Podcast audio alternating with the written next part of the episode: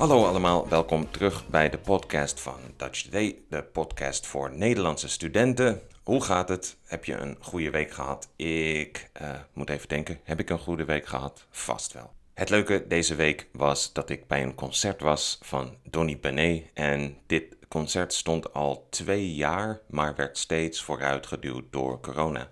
En dit is het moment dat veel, uh, veel evenementen, veel culturele dingen weer beginnen, omdat het allemaal weer kan. Dus ik merk wel alleen dat ik, uh, dat ik niet meer in de routine zit van checken wanneer bands komen, wanneer muzikanten komen. Dus ik zie nu dat ik dingen begin te missen. En dat vind ik wel jammer. Ik moet weer in de routine komen dat ik check uh, wanneer welke bands komen. Maar ik was blij dat ik gisteren voor het eerst sinds lange tijd weer naar een concert kon. Maar ik ga het niet hebben over muziek vandaag. Ik ga het hebben over stereotypes. En dan specifiek stereotypes die mensen hebben over Nederland en Nederlanders. En het eerste stereotype natuurlijk wat iedereen heeft over Nederlanders is dat Nederlanders zuinig zijn. En we hebben twee woorden hiervoor. We hebben zuinig en zuinig is een neutraal woord. Dus bijvoorbeeld ik gebruik energie zuinig. Dat betekent dat ik niet veel gebruik. Als je het op een negatieve manier wil zeggen, zeg je niet zuinig, maar gierig. Dus als je het over negatief stereotype hebt, moet je eigenlijk zeggen dat Nederlanders zuinig zijn. Ze geven niet graag geld uit, kijken, kijken, maar niet kopen. Klopt dit, denk je? Ik denk van wel en van niet. En waarom wel? Dat is omdat er een duidelijke origine is van dit stereotype. Er is namelijk een verschil tussen het noorden van Nederland en het zuiden van Nederland. En dit noemen wij boven de rivieren en beneden de rivieren. En deze rivieren lopen door Nederland. Dit zijn de Rijn, de Lek, de Waal en de Merwede. En dit is een natuurlijke grens binnen Nederland, ongeveer halverwege Nederland. En dit is dus ook goed te verdedigen van vijandige legers. Bijvoorbeeld de Romeinen vroeger gebruikten deze rivieren als de grens van hun rijk in het noorden. En in 1944 lukte het ook niet de geallieerde soldaten om, eh, toen ze tegen de Duitsers vochten, de rivieren over te komen. Dat is ook waar de film A Bridge Too Far over gaat. En ook is het een geloofsgrens. In het zuiden van Nederland zijn veel mensen traditioneel katholiek en boven de rivieren protestants. En dit is nu niet zo belangrijk meer, omdat steeds minder mensen gelovig zijn, steeds minder mensen zijn religieus. Vroeger was dit wel heel belangrijk. En wat is het verschil tussen deze twee religieuze stromingen? Het protestantse geloof zegt dat we alleen moeten gebruiken wat we nodig hebben. Meer dan wat we nodig hebben is verspilling en dit is een zonde. En een zonde is iets dat God zegt dat de mensen niet moeten doen. En dit is niet zo sterk in het katholieke deel van Nederland. Een protestantse kerk bijvoorbeeld heeft daarom ook geen decoratie. Het is heel simpel. En de mensen leiden een simpel en dus ook zuinig leven. In het zuiden is dat een beetje anders. In het noorden werd er bijvoorbeeld voor vier mensen gekookt als het gezin vier leden had. Maar in het zuiden voor vijf, want je weet maar nooit, Misschien komt er iemand langs die ook wil eten. En nu, als je niet te eten hebt voor gasten, zien wij dit als niet gastvrij. Maar vroeger was dit om verspilling tegen te gaan, zodat er geen eten weg werd gegooid. En ondanks het feit dat mensen nu veel minder religieus zijn, zijn dit soort dingen vaak cultuur geworden en zie je dit nog steeds gebeuren. Een voorbeeld uit mijn eigen familie. Ehm, ik had een overoma en uh, die is overleden op haar 100, nou, een paar dagen voor haar 104e verjaardag. En toen ze 100 werd, hadden we een groot feest en mijn opa en mijn ouders wilden de gasten een paar chocolaatjes meegeven als souvenir wanneer ze naar huis gingen. En mijn opa wilde deze bij de Aldi halen, want dat was goedkoop en zo bespaarde je geld. Mijn ouders waren daar erg tegen, omdat het een speciale dag was en ze de gasten ook graag iets speciaals gaven. Uiteindelijk hebben ze de chocolaatjes toch bij een goede chocolatier gehaald en daarmee zie je dat het een beetje verandert per generatie. En de generatie van mijn ouders is alweer vrijgeviger en minder zuinig dan die van mijn opa. Het volgende stereotype dat je vaak hoort is dat Nederlanders in een kringetje zit, zitten uh, moet ik zeggen, op uh, verjaardagen of feestjes. En dat klopt ook een beetje. Uh, ik zie dat nog steeds wel bij grotere families. Er zijn twee verschillende redenen voor. En het eerste is dat het traditie is omdat men vroeger om de open haard zat, om het vuur, zodat iedereen samen warm kon zijn. En de andere is dat in een kring iedereen gelijk is en niemand wordt buitengesloten.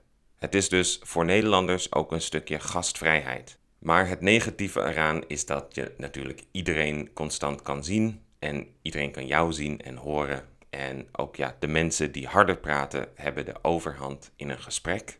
En ik, ik zie het kringetje niet veel bij vrienden, uh, meer bij oudere mensen, maar soms gebeurt het, ja. Nog een stereotype dat ik vaak hoor is dat Nederlanders alles plannen. Ze zetten alles in hun agenda.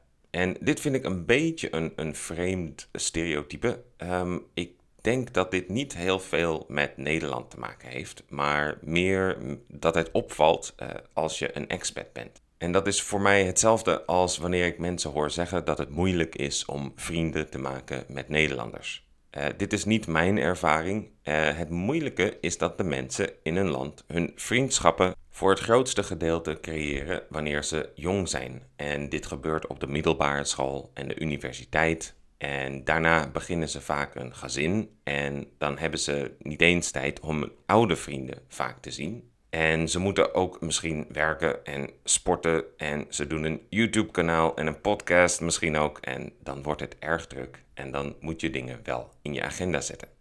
En ik heb het zelf ook wel tegenwoordig dat ik een vriend of vriendin die ik een tijd lang niet heb gezien vraag: zullen we koffie gaan drinken? En dan zeggen ze: ja, volgende maand heb ik tijd. Als je niet in de intieme cirkel zit, is het vaak lastig voor mensen om tijd voor je te maken ik denk ook soms van mensen ja, die kritiek geven op mijn agenda. Eh, heb je zelf dan niets te doen? Heb je geen vrienden? Heb je geen hobby's? En voor, ja, voor mij was het eigenlijk hetzelfde toen ik in het buitenland woonde. Toen ik in Amerika, in Japan, in Turkije woonde. Ik moest erg ook mijn, mijn best doen om vrienden te maken die tijd voor mij hadden. Ik was nieuw en ik moest een plaats voor mezelf zoeken in de levens van andere mensen. En dan is er nog één stereotype waar ik het vandaag over wil hebben. Uh, en dat is dat Nederlanders heel direct zijn. En hier is een goed artikel over geschreven op de, de website van de BBC. En ik zal de link bijvoegen in de beschrijving van de podcast. En ook zoals de andere stereotypes eigenlijk, dit klopt en het klopt niet. Uh, directheid is niet alleen iets van Nederlanders. Uh, ditzelfde stereotype bestaat voor andere mensen uit het noorden vaak, zoals in Polen en, en in Rusland. En van wat ik van mijn studenten begrijp, is dat de Nederlandse directheid vaak op andere gebieden is, over andere dingen. Bijvoorbeeld op het werk vinden Russen en Polen Nederlanders vaak indirect. Ze praten in de vergadering eerst graag over hun weekend, over hun vakantie, over hun familie, eh, terwijl Polen en Russen sneller over werkzaken beginnen te praten. De Nederlandse directheid gaat vaak over het geven van een mening, en dit komt ook uit iets dat wij het poldermodel noemen. En wat is het poldermodel? Uh, ja, een polder is een stuk land dat wij van de zee hebben gewonnen. En Nederland vecht natuurlijk al heel lang, al eeuwen tegen het water van de zee.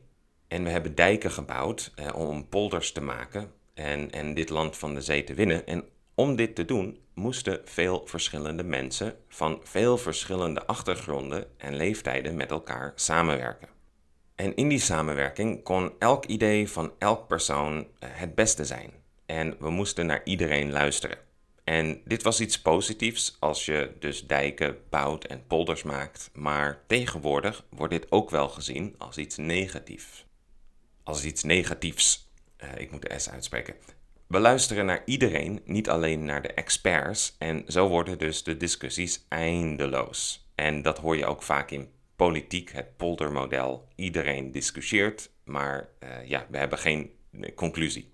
Maar hierdoor is het dus normaal in de Nederlandse cultuur dat ouders ja, luisteren naar wat de kinderen te zeggen hebben, soms te veel. Uh, de docent luistert soms te veel naar de excuses van de leerlingen waarom ze te laat zijn of hun huiswerk niet gedaan hebben. En volgens het artikel in de BBC is dit omdat Nederlanders uh, de waarheid, of wat zij denken dat de waarheid is, belangrijker vinden dan vriendelijk zijn. We denken dat het belangrijker is om iemand te zeggen dat hun nieuwe trui ze niet goed staat, dat het niet mooi is, dan ze te laten denken dat het er goed uitziet. Nederlanders hebben ook het gevoel dat ze alles moeten kunnen zeggen wat ze denken. En dat als jij dat niet leuk vindt, dat dit jouw probleem is. En dit kan soms inderdaad niet direct, maar onbeleefd zijn. En dat vind ik zelf ook niet altijd fijn. Dan zijn mensen eh, te direct en ook te eerlijk. Soms is het goed om een beetje te liegen. En oh, als je bijvoorbeeld hulp nodig hebt uh, met iets in Nederland, verwachten mensen dus ook dat je dit zegt. Als je het niet direct zegt, denken mensen vaak dat je geen hulp nodig hebt. En als je bij de dokter bent en de dokter zegt: neem maar een paracetamol en wat kippensoep, eh, dan verwacht hij zelf dat je zegt: nee, dokter, ik heb pijn, ik wil een onderzoek, ik wil meer hulp. En als iemand je wel hulp aanbiedt, zeg dan niet eerst nee, terwijl je eigenlijk wel hulp nodig hebt. Zeg meteen ja. Want als je nee zegt, dan denken Nederlandse mensen niet: oh, je bent beleefd. Dan denken ze: ah, oh, je wil geen hulp. Oké, dan niet. En deze directheid noemen wij in het Nederlands niet directheid. Wij zouden zeggen: het is bespreekbaarheid. Je moet over alles kunnen praten. En dat, dat zie je dus in een land waar marihuana, prostitutie en euthanasie legaal zijn. Maar toch zijn er ook taboes in Nederland, dingen waar je niet over praat, en dat is vooral luxe. Als je veel geld verdient of je hebt een groot huis, een, een grote auto, dan praat je hier niet over. Want eh, dat zien we als slechte smaak, dat is opscheppen. Oké, dat waren eigenlijk de drie grote stereotypes, of vier uh, met het kringetje mee. Uh, vier stereotypes over Nederland. Misschien ken je nog andere stereotypes. Die kun je me altijd laten weten via Dutch Today op YouTube. Of via Instagram op Benkyo Dutch. Dat is B-E-N-K-Y-O Dutch. En volgende week weer een nieuwe podcast. Tot dan. Doei!